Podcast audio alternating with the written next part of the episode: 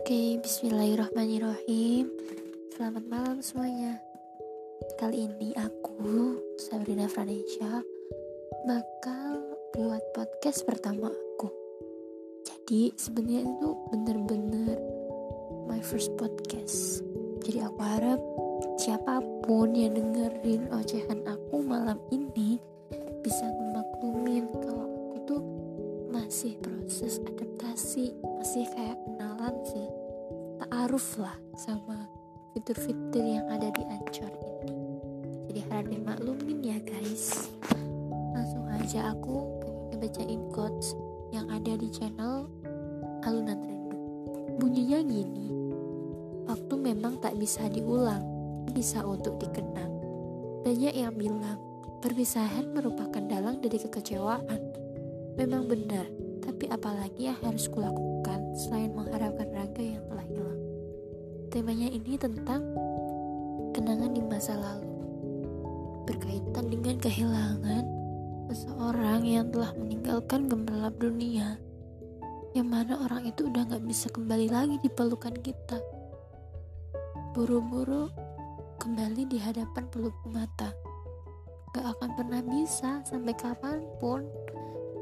Rindu ini emang gak pernah bisa didefinisikan oleh kata-kata sekalipun karena aku juga ngerasain kehilangan sosok yang sangat berarti bagi hidupku cinta pertamaku sekaligus patah hati pertamaku karena beliau yang telah memberikan kasih sayangnya cintanya kepada aku putri kecilnya tapi beliau juga yang membuat hati aku patah karena merasakan patah hati ditinggal pergi olehnya. Tapi apa boleh buat? Kita cuma manusia. Kita hidup juga punya batasan.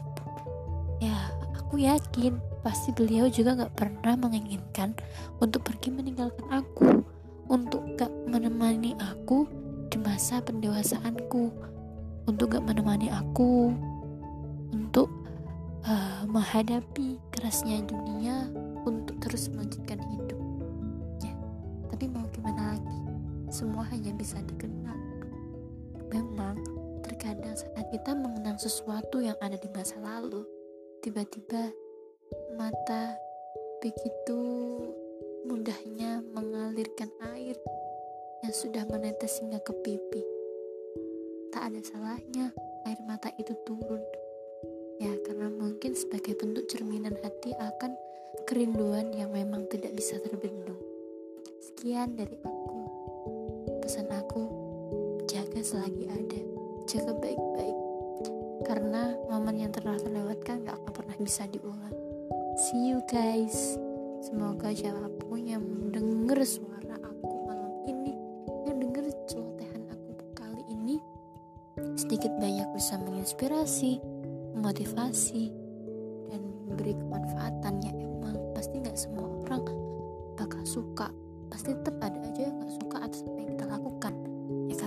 bukan kewajiban kita bukan keharusan kita untuk bisa uh, disukai semua orang. Kita nggak perlu kok memenuhi ekspektasi semua orang agar mereka tuh seneng lihat kita. Enggak. Yang, yang penting tuh kita bisa ngebahagiain diri kita sendiri tanpa merebut bahagia orang lain. Oke okay, see you. Have a nice trip